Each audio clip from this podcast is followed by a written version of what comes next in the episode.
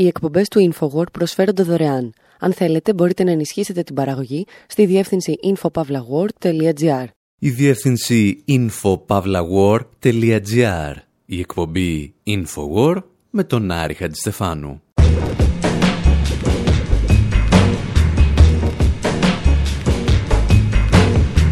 Όπου σήμερα σκεφτήκαμε να βρίσουμε την Κατερίνα Ντούσκα και τον Λίον of για τη συμμετοχή τους στο διαγωνισμό τραγουδιού της Eurovision που θα διεξαχθεί σε κατεχόμενα παλαιστινιακά εδάφη. Αλλά αποτύχαμε.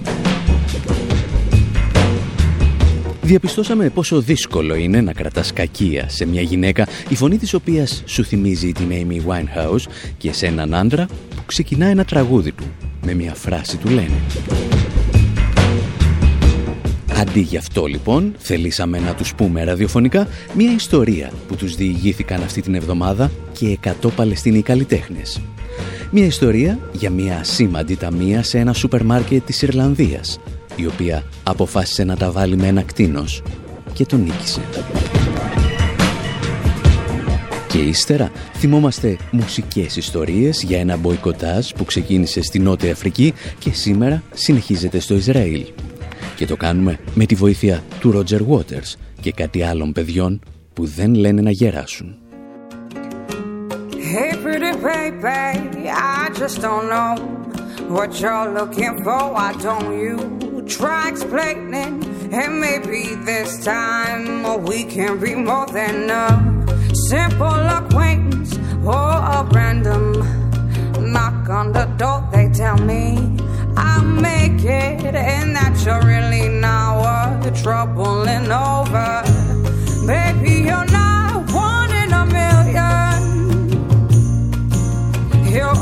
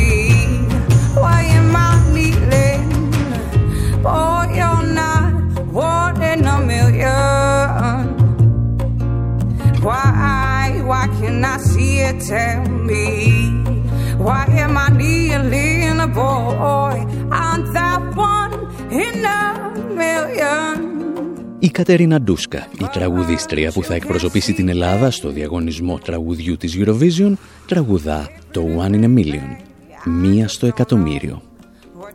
Φαινομενικά τόσες είναι και οι πιθανότητες που έχουμε να την πείσουμε να μην συμμετάσχει στη Eurovision και να μην νομιμοποιήσει με την παρουσία της τα εγκλήματα πολέμου και τα εγκλήματα κατά της ανθρωπότητας που πραγματοποιεί το κράτος του Ισραήλ.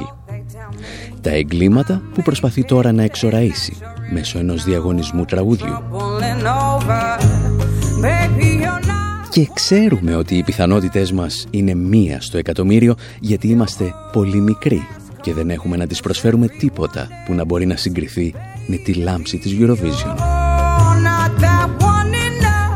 Κάπως έτσι σκέφτηκαν αρχικά και οι 100 Παλαιστίνοι καλλιτέχνες, που αυτή την εβδομάδα έστειλαν μια ανοιχτή επιστολή στην Κατερίνα Ντούσκα και όλους τους συμμετέχοντες στο διαγωνισμό. Ως Παλαιστίνοι καλλιτέχνες είπαν, που ζούμε τη βαναυσότητα, που ζούμε την καθημερινή κατοχή ή την καθημερινή εξορία, δεν μπορούμε να σου προσφέρουμε τα εκτιφλωτικά φώτα της Eurovision. Μπορούμε όμως να σου προσφέρουμε μια θέση στα βιβλία της ιστορίας. Για την ακρίβεια υποσχέθηκαν στην Κατερίνα Ντούσκα και τον Λίον Οφάθενς να τους προσφέρουν την ιστεροφημία που έχει μια φτωχή ταμείας σε ένα σούπερ μάρκετ της Ιρλανδίας. Και ενώ εκ πρώτης όψεως δεν ακούγεται και σαν την προσφορά του αιώνα, άρχισαν να τους διηγούνται, όπως θα κάνουμε κι εμείς, την ιστορία της κυρίας Mary Manning. Της κυρίας για την οποία τραγουδούσε κάποτε ο Κρίστι Μουρ.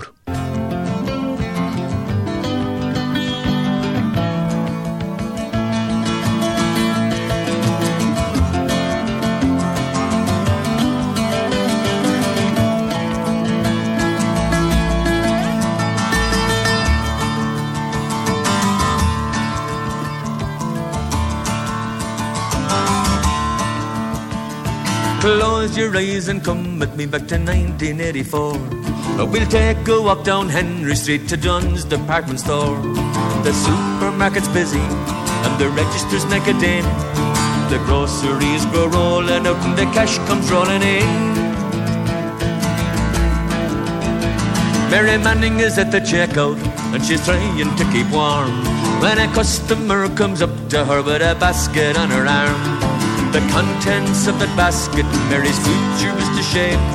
With the label clearly stated, produce in the Cape.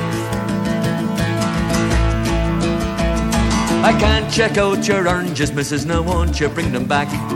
For they come from South Africa, where white is black. I'd have it on my conscience, and I couldn't sleep at night if I had support the system that denies black people's rights. Ο Κρίστι Μουρ που ακούτε βραβεύτηκε πριν από μερικά χρόνια ως ο καλύτερος εν ζωή καλλιτέχνης της Ιρλανδίας. Και ενώ το συγκεκριμένο τραγούδι μπορεί να μη σας πείθει με την μουσική και τη δομή του, διηγείται μια συναρπαστική ιστορία. Είναι Ιούλιος του 1984 και μια κυρία έχει την ατυχή ιδέα να αγοράσει μερικά grapefruit από το πολυκατάστημα των Dunes στο κέντρο του Δουβλίνου χωρίς να το καταλάβει, έχει πυροδοτήσει μια απεργία που θα συμβάλλει στην ανατροπή ενός απολυταρχικού καθεστώτος. Γι' αυτό να προσέχετε τι αγοράζετε στα σούπερ μάρκετ. Στο ταμείο την περίμενε η 20χρονη υπάλληλος Μέρι Μάνινγκ, η οποία μαζί με το συνδικάτο της είχαν πάρει μια σημαντική απόφαση. Να μην δέχονται να πουλάνε προϊόντα που προέρχονταν από το καθεστώς του Apartheid στη Νότια Αφρική. Καλύτερα όμως να μας τα διηγηθεί η ίδια η Mary Manning. The day that the strike actually started, I was sitting on registers with management behind us. Την ημέρα που ξεκίνησε η απεργία, καθόμουν στο ταμείο και ακριβώς πίσω μου στεκόταν ο διευθυντής του καταστήματος. Ήρθε λοιπόν μια γυναίκα να πληρώσει και κρατούσε μερικά grapefruit που προέρχονταν από την Νότια Αφρική. Η απόφαση όμως που είχαμε πάρει με το συνδικάτο μου ήταν να μποϊκοτάρουμε ορισμένα προϊόντα, γιατί αυτό μας είχαν ζητήσει άνθρωποι από την Νότια Αφρική. Της εξήγησα λοιπόν ότι δεν μπορώ να δεχτώ να πληρώσει, γιατί αυτό είχαμε αποφασίσει με το συνδικάτο μας. Και αυτή μου είπε ότι δεν υπήρχε κανένα πρόβλημα. Ο διευθυντής όμως μου είπε: Κλείσε το ταμείο και έλα στο γραφείο μου αμέσως. Πήρε λοιπόν εμένα σε ένα δωμάτιο και μια συνάδελφό μου σε ένα άλλο. Και μας είπε ότι έχουμε πέντε λεπτά να σκεφτούμε τι θα κάνουμε. Όταν γύρισε, με ρώτησε τι αποφάσισα να κάνω και του είπα ότι θα συνεχίσω τον μποϊκοτάζ. Και τότε μου ανακοίνωσε την οριστική απόλυσή μου.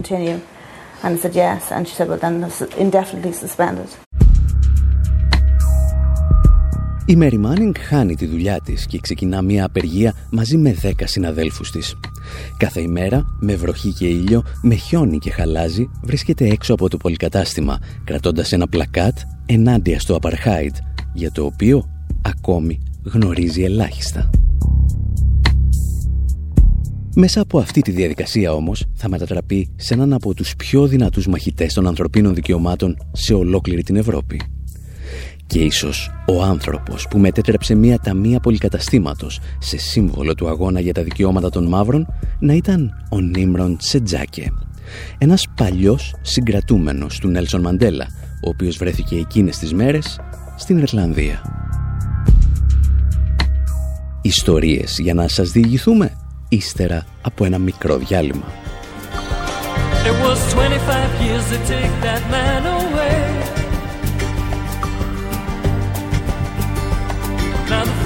moves in closer every day. Wipe the tears down from your saddened eyes. They say Mandela's free, so step outside. Oh, oh, oh Mandela Day. Ooh,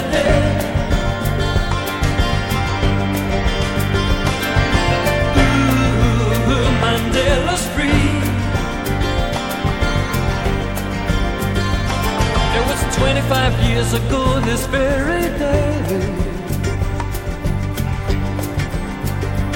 held behind four walls all through night and day. Still, the children know the story of that man. And we know what's going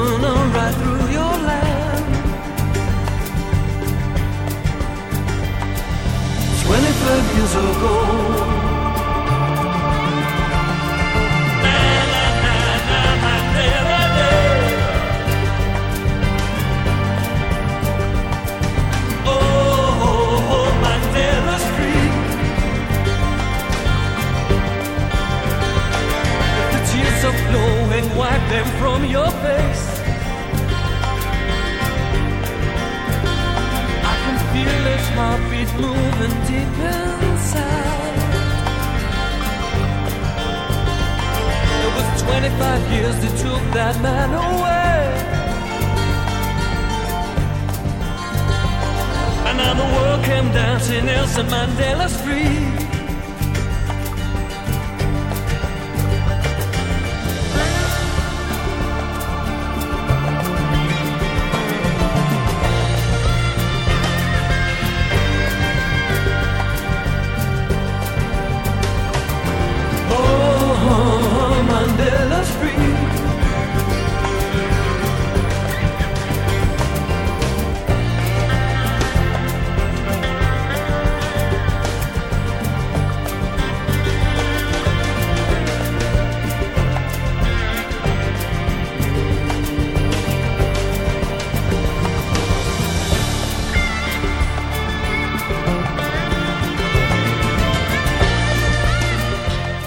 Οι Simple Minds τραγουδούν για τα 25 χρόνια που πέρασε στη φυλακή ο Νέλσον Μαντέλα και για ορισμένα από αυτά τα χρόνια βρισκόταν στο ίδιο κελί με τον αγωνιστή των ανθρωπίνων δικαιωμάτων Νίμρον Σετζάκη.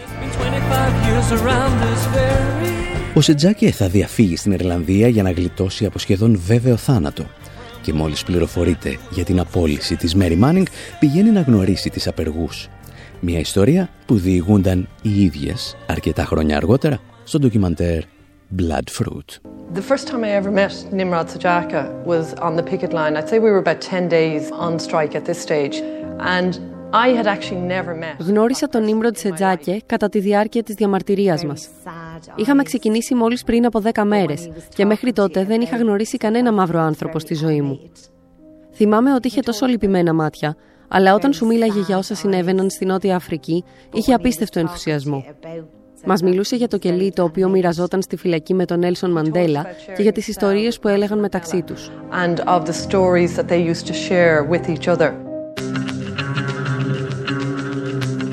Ο Σετζάκη θα μοιραστεί τις ίδιες ιστορίες με τους απεργούς του πολυκαταστήματος Dunes. Και είναι μία από εκείνες τις στιγμές που συνειδητοποιείς πως όλα όσα φοβάσαι για το μέλλον μπορεί να χωράνε στο παρόν κάποιου άλλου ανθρώπου. He had to leave his country because he was on trial for treason. And this was for organising a picket in his Αναγκάστηκε να εγκαταλείψει τη χώρα του, γιατί θα τον δίκαζαν για προδοσία. Και όλα αυτά απλώς γιατί είχε οργανώσει μια διαμαρτυρία σαν τη δική μας στη Νότια Αφρική. Εμείς ήμασταν λευκές και είχαμε την ελευθερία να κάνουμε απεργίες στη χώρα μας. Ο Νίμροντ όμως μας εξηγούσε ότι αν ήμασταν μαύροι και απεργούσαμε στη Νότια Αφρική, θα μας σκότωναν.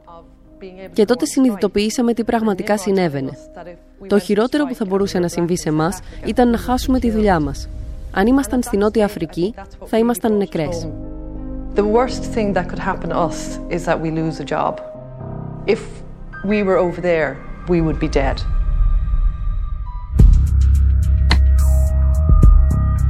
Η ίδια ιστορία επαναλαμβάνεται σήμερα στα κατεχόμενα Παλαιστινιακά εδάφη και οι 100 Παλαιστίνοι καλλιτέχνες το υπενθύμησαν στην Κατερίνα Ντούσκα και τον Λίον of Από τη στιγμή που ανακοινώθηκε ότι η Eurovision θα διεξαχθεί στο Τελαβίβ και αρκετοί καλλιτέχνες άρχισαν να ετοιμάζουν τις αποσκευές τους, ο Ισραηλινός στρατός έχει δολοφονήσει περίπου 200 Παλαιστίνιους.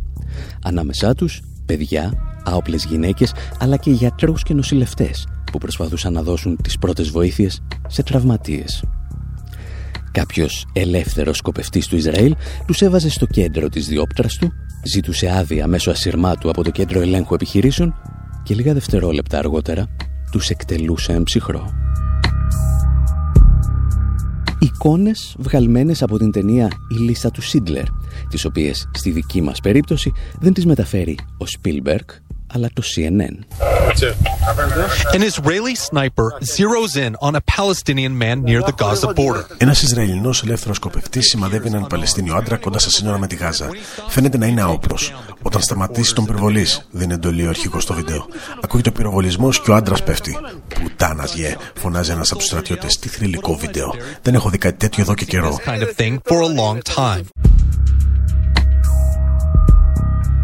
Εμείς βέβαια, αν θυμάστε, διηγούμασταν απλώς ιστορίες για μια ταμεία ενός πολυκαταστήματος από την Ιρλανδία της δεκαετίας του 80.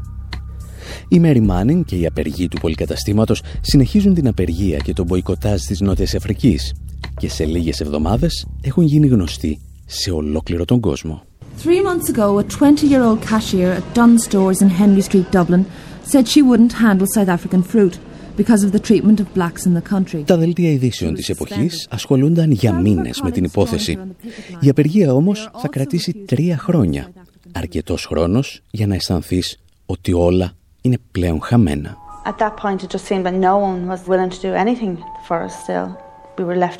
Εκείνη τη στιγμή φαινόταν ότι κανένας δεν νοιαζόταν πλέον για μας. Μας είχαν αφήσει στην τύχη μας.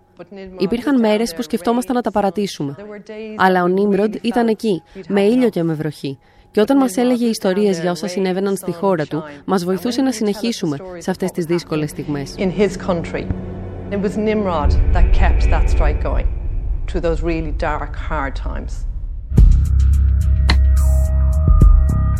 Για τρία χρόνια, ο Νίμροντ Σετζάκε και η Μέρι Μάνινγκ περνούσαν τις ζωές τους έξω από ένα πολυκατάστημα. Γνώριζαν όμως πως ό,τι και αν του συνέβαινε δεν μπορούσε να συγκριθεί με τη φρίκη που ζούσαν καθημερινά οι άνθρωποι στη Νότια Αφρική. Και σε αυτά τα τρία χρόνια το κίνημα εναντίον του Apartheid γιγαντωνόταν σε ολόκληρο τον πλανήτη. Με εξαίρεση τις Ηνωμένες Πολιτείες και το Ισραήλ, μία μετά την άλλη, οι χώρες της Δύσης αλλά και ο ΙΕ άρχισαν να καταδικάζουν δημόσια το ρατσιστικό καθεστώς της Νότιας Αφρικής. Και ο Τζιλ Σκοτ Χίρον δηλώνει παρόν για να τραγουδήσει ότι η Επανάσταση μπορεί να μην μεταδοθεί από την τηλεόραση, αλλά είναι πολύ πιθανό να ξεκινήσει στο Johannesburg.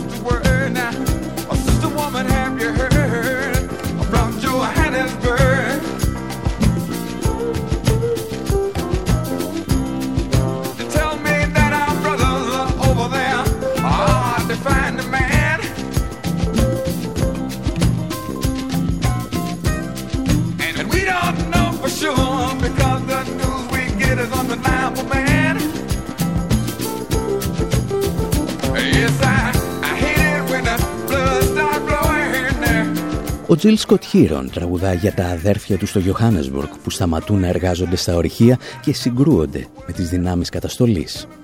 Δεν μου αρέσει, λέει, η στιγμή που αρχίζει να τρέχει το αίμα, αλλά χαίρομαι όταν μαθαίνω ότι υπάρχει κάποιος που ακόμη αντιστέκεται.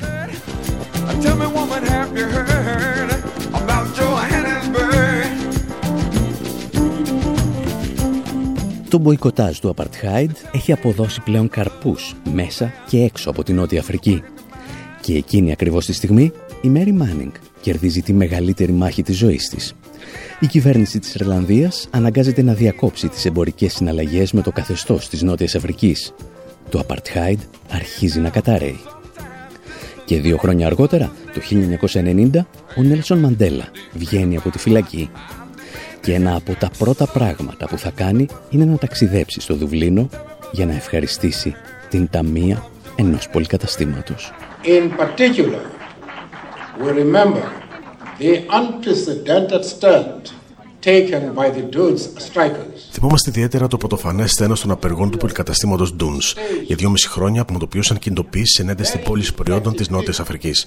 Γνωρίζουμε πολύ καλά τις θυσίες που έκαναν. Κάποιοι έχασαν τη δουλειά τους. Και φυσικά δεν χρειάζεται να σα εξηγήσω εγώ τις κακουχίες από τις οποίες πέρασαν. Τις γνωρίζετε πολύ καλά.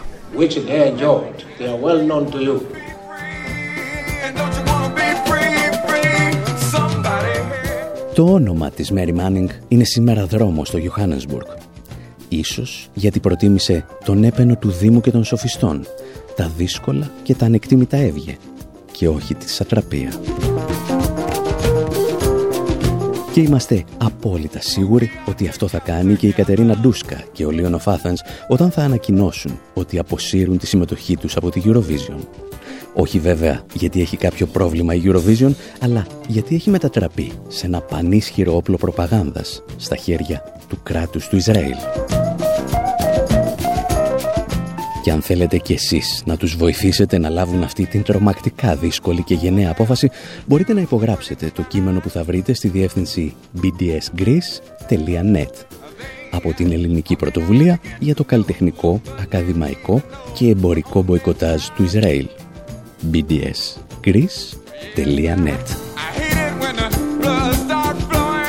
Εμείς σας αφήνουμε με ένα τραγούδι του Leon of Athens. Αυτό που ξεκινά με μια φράση του Λένιν. Και επιστρέφουμε με μερικές ακόμη ιστορίες μποϊκοτάζ του Roger Waters, τον Pink Floyd. Υπάρχουν δεκαετίες στις οποίες δεν συμβαίνει τίποτα. Και υπάρχουν εβδομάδες στις οποίες συμβαίνουν δεκαετίες.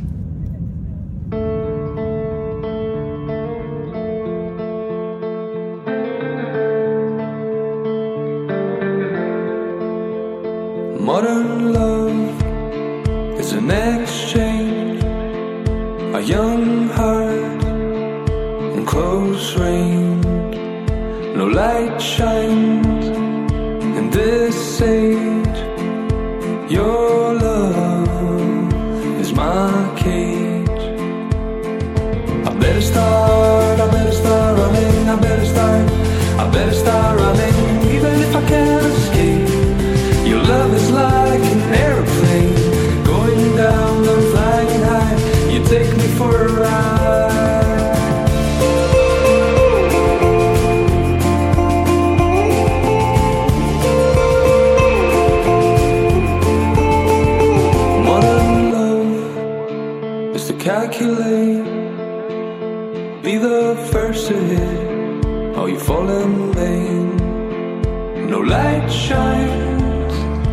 Dark days.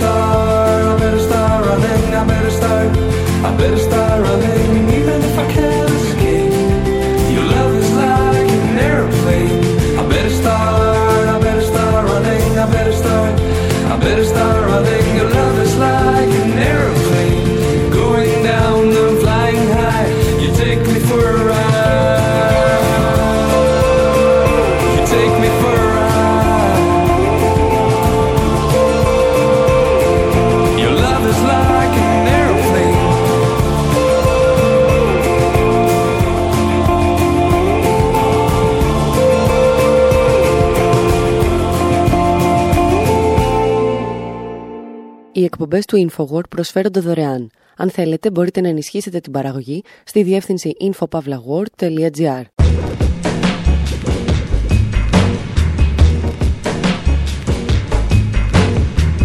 Η εκπομπή InfoWord με τον Άρη Χατζηστεφάνου όπου με αφορμή τις διεθνείς εκκλήσεις για τον μποϊκοτάζ της Eurovision που κλιμακώνονται σε όλη την Ευρώπη, θυμόμαστε την πολιτική ιστορία του Roger Waters, του παλαιόλικου των Pink Floyd που έχει αφιερώσει τα τελευταία χρόνια της ζωής του στην προάσπιση των δικαιωμάτων των Παλαιστινίων.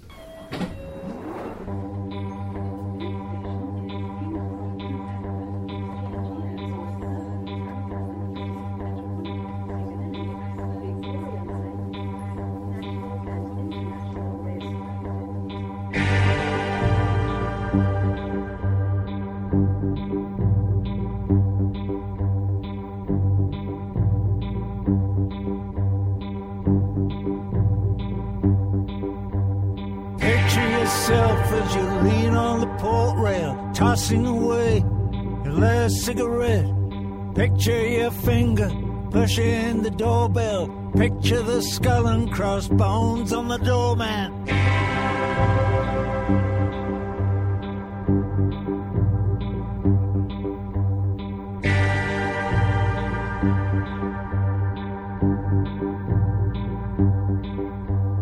Picture yourself on the streets of Laredo. Picture the Casbah. Picture Japan. Picture your kid with his hand on the trigger. Picture prosthetics in Afghanistan.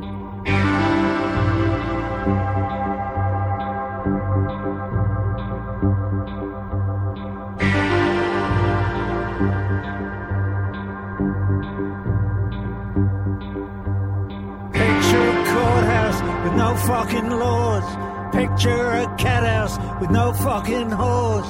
Picture a shithouse with no fucking drains. Picture a leader with no fucking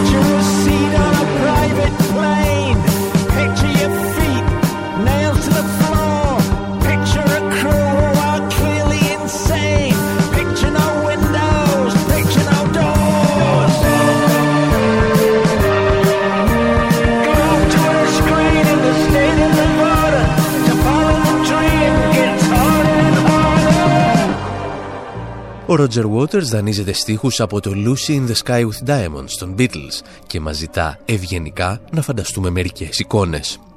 Τα παιδιά σας με το δάχτυλο σε μια σκανδάλη και ύστερα κάποιον με προσθετικά πόδια στο Αφγανιστάν.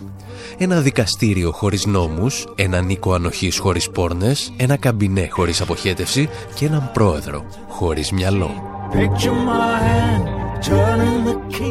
Και αν έχετε αμφιβολίες ποιος είναι ο πρόεδρος που το κεφάλι του είναι άδειο σαν οίκος ανοχής χωρίς πόρνες και ταυτόχρονα γεμάτο σαν τουαλέτα χωρίς αποχέτευση να σας θυμίσουμε ότι σε μία από τις τελευταίες συναυλίες του οι γιγαντοοθόνες του Roger Waters έγραφαν «Ο Τραμπ είναι γουρού». Και ύστερα στο ίδιο τραγούδι ο Waters μας καλεί να μπούμε σε ένα ιδιωτικό αεροπλάνο με τα πόδια δεμένα στο πάτωμα χωρίς παράθυρα. Και εύχεται λέει να ήμασταν εκεί στο Guantanamo Wish you were here in Guantanamo Bay.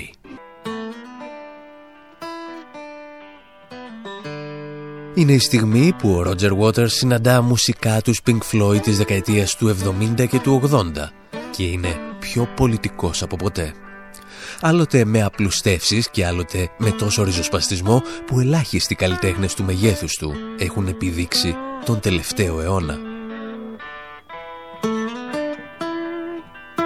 Για να καταλάβετε βέβαια όλη αυτή τη διαδρομή πρέπει να γυρίσουμε πίσω στον Δεύτερο Παγκόσμιο Πόλεμο και θα το κάνουμε ύστερα από αυτό εδώ.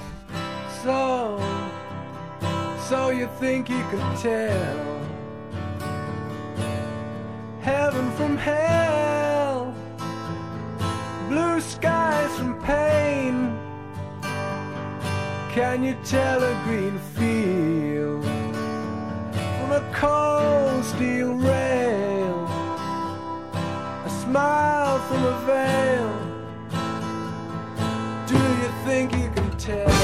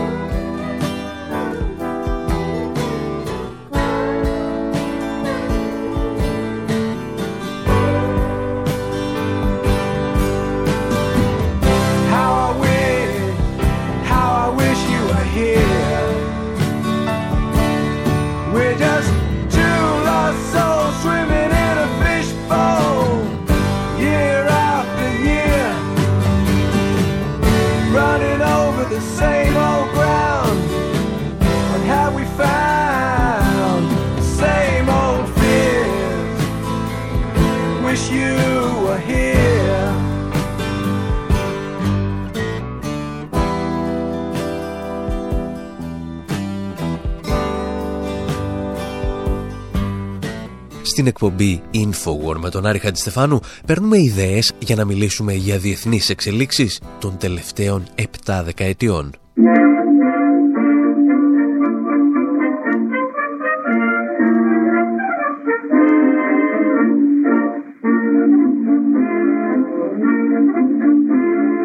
Private Park is a funny little codger with a smile, a funny smile. Awful little dodger with a smile, a funny smile. Ο Waters καταγόταν από οικογένεια ανθρακορίχων και μονάχα αυτός, του πατέρα του γιος, ήταν πια ένας αστός.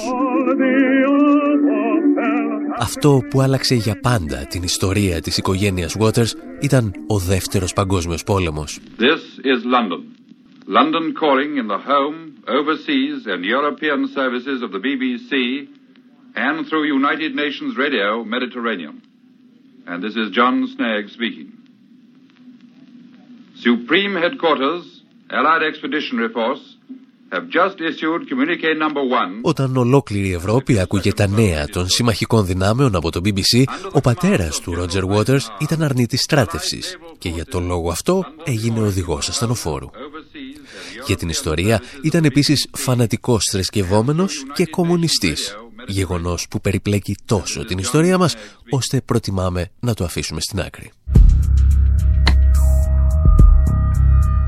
Σε ό,τι μας αφορά, ο πατέρας του Ρότζερ αποφάσισε τελικά να καταταγεί για να πολεμήσει τον φασισμό το μήνα που γεννήθηκε το παιδί του, το Σεπτέμβριο του 1943.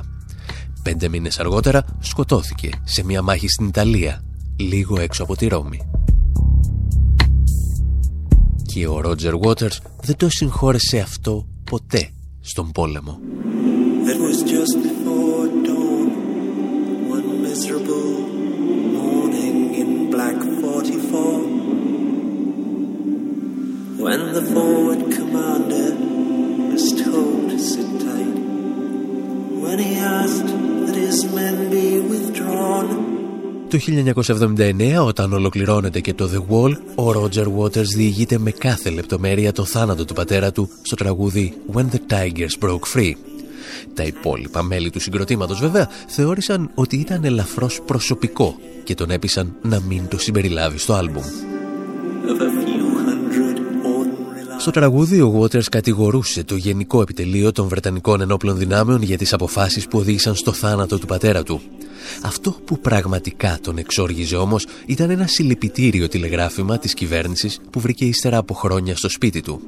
Ένα τηλεγράφημα το οποίο υποτίθεται ότι είχε σφραγίσει ο ίδιος ο βασιλιάς. Και κάπως έτσι, καταλήγει ο Waters, πήρατε τον μπαμπά μου, μακριά από μένα.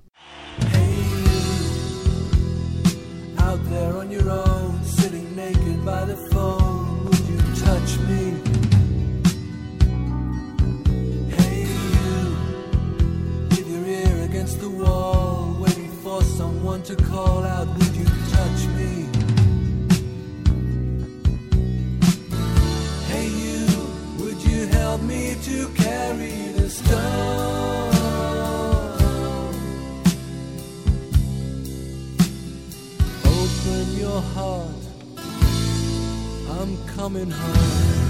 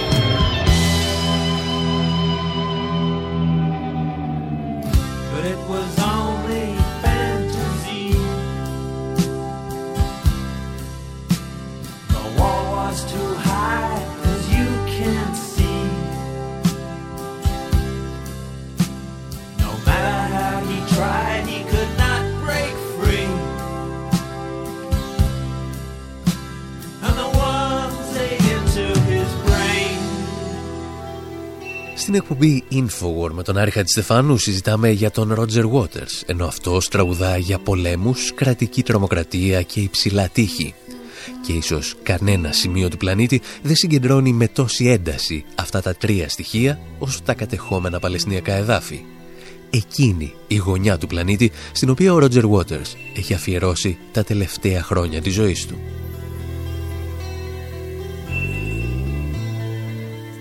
Στο παρελθόν είχε συγκρίνει το κράτος του Ισραήλ με την ναζιστική Γερμανία, ενώ στηρίζει εδώ και χρόνια τις οργανώσεις που μάχονται ενάντια στα εγκλήματα κατά της ανθρωπότητας που πραγματοποιεί η κυβέρνηση της συγκεκριμένης χώρας. Και όταν χρειάστηκε δεν δίστασε να τα βάλει με τα μεγαθύρια της μουσικής βιομηχανίας, όπως τους Rolling Stones.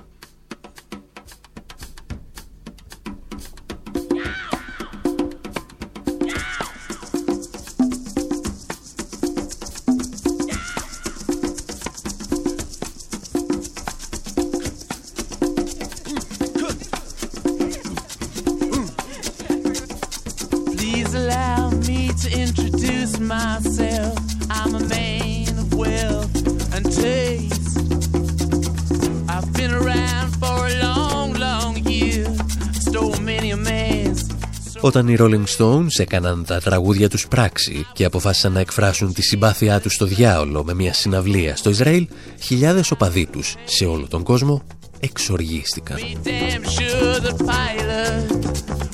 Ήταν ίσως ο χειρότερος τρόπος για τόσο σημαντικούς καλλιτέχνες να κλείνουν μια πορεία μισού αιώνα και λίγο πριν πεθάνουν να τραγουδούν σε ένα κράτος τρομοκράτη. Παρόμοιες σκέψεις πρέπει να έκανε και ο Roger Waters και έτσι στις αρχές Μαΐου του 2004 συνυπέγραψε μια επιστολή μαζί με τον Nick Mason με την οποία καλούσε τους Rolling Stones να ακυρώσουν τη συναυλία.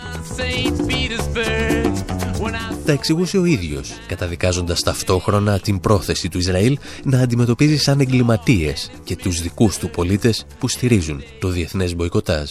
What I have in my hand is a, a copy of an email that I got this morning from an organization called Boycott from Within. Έχω στα χέρια μου ένα email που έλαβα το πρωί από μια οργάνωση που λέγεται Μποϊκοτάζ από το εσωτερικό. Μου ζητούν να κάνω μια δήλωση γιατί αύριο το Ισραηλινό Κοινοβούλιο θα ψηφίσει για το αν το μποϊκοτάζ του Ισραήλ θα πρέπει να αντιμετωπίζεται σαν κακουργηματική πράξη. Μπορείτε να το πιστέψετε; Το μποϊκοτάζ ήταν μια από τις τεχνικές που χρησιμοποιήθηκε για την ανατροπή του καθεστώτος του Apartheid στη Νότια Αμερική. Πρόκειται για μια απόλυτα νομιμοποιημένη ενέργεια και τώρα η δεξιά πτέρυγα του Ισραηλινού Κοινοβουλίου προσπαθεί να την απαγορεύσει. And the Knesset are trying to make it illegal.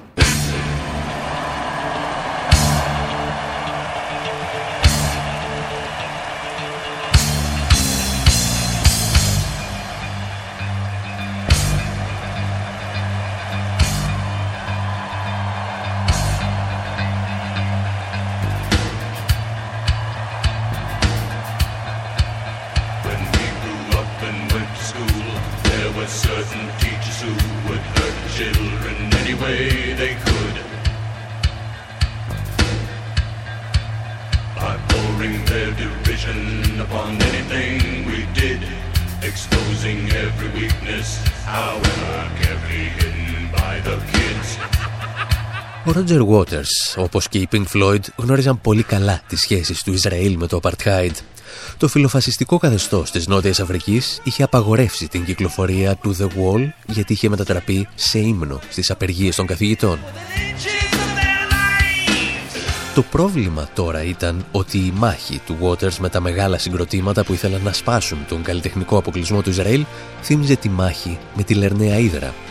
Εκεί που προσπαθούσε να περιορίσει τον Mick Jagger πεταγόταν το ξερό κεφάλι του Tom York, τον Radiohead.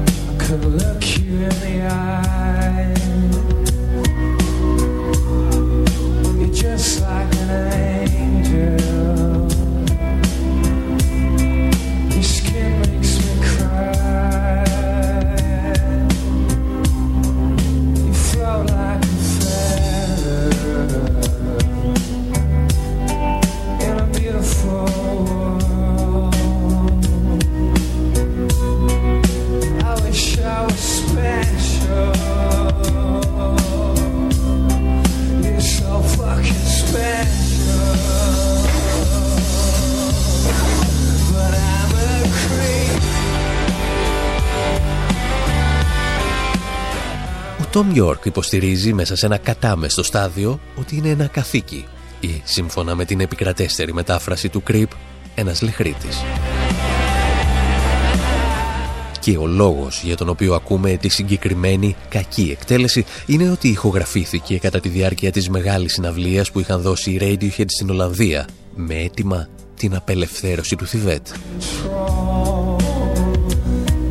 Η Radiohead είναι από εκείνα τα συγκροτήματα που νομίζεις ότι ενδιαφέρονται για τις πολιτικές και κοινωνικές εξελίξεις και το απέδειξαν, λέει, με την συναυλία τους για το Θιβέτ.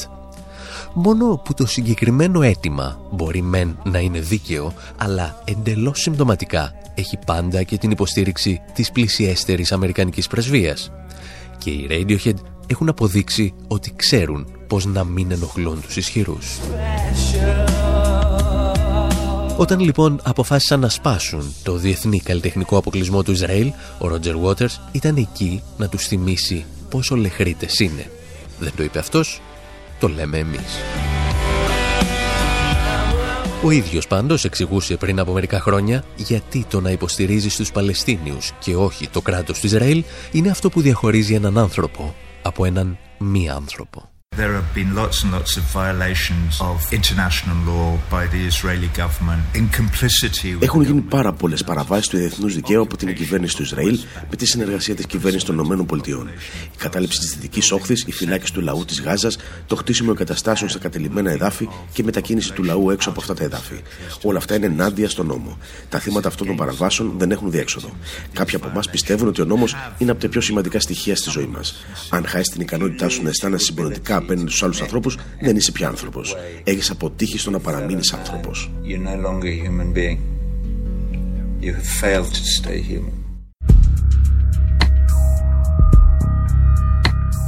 Ο Ρότζερ Waters θα πληρώσει ακριβά την απόφασή του να παραμείνει στην πλευρά των ανθρώπων. Πριν από μερικά χρόνια έχασε γι' αυτό 4 εκατομμύρια δολάρια όταν η American Express απέσυρε τη χορηγία της σε μια από τις μεγαλύτερες συναυλίες του. Ενώ αν στήριζε μόνο το Θιβέτ, σήμερα θα ήταν σαν τους Radiohead. Κάπου εδώ όμως λέμε να σας αφήσουμε και για αυτή την εβδομάδα να απολαύσετε μόνοι σας τα ωφέλη της συνεργασίας της Ελλάδας και της Κύπρου με το κράτος του Ισραήλ. Από τον Άρη Χατζηστεφάνου στο μικρόφωνο και τον Δημήτρη Σαθόπουλο στην τεχνική επιμέλεια, γεια σας και χαρά σας.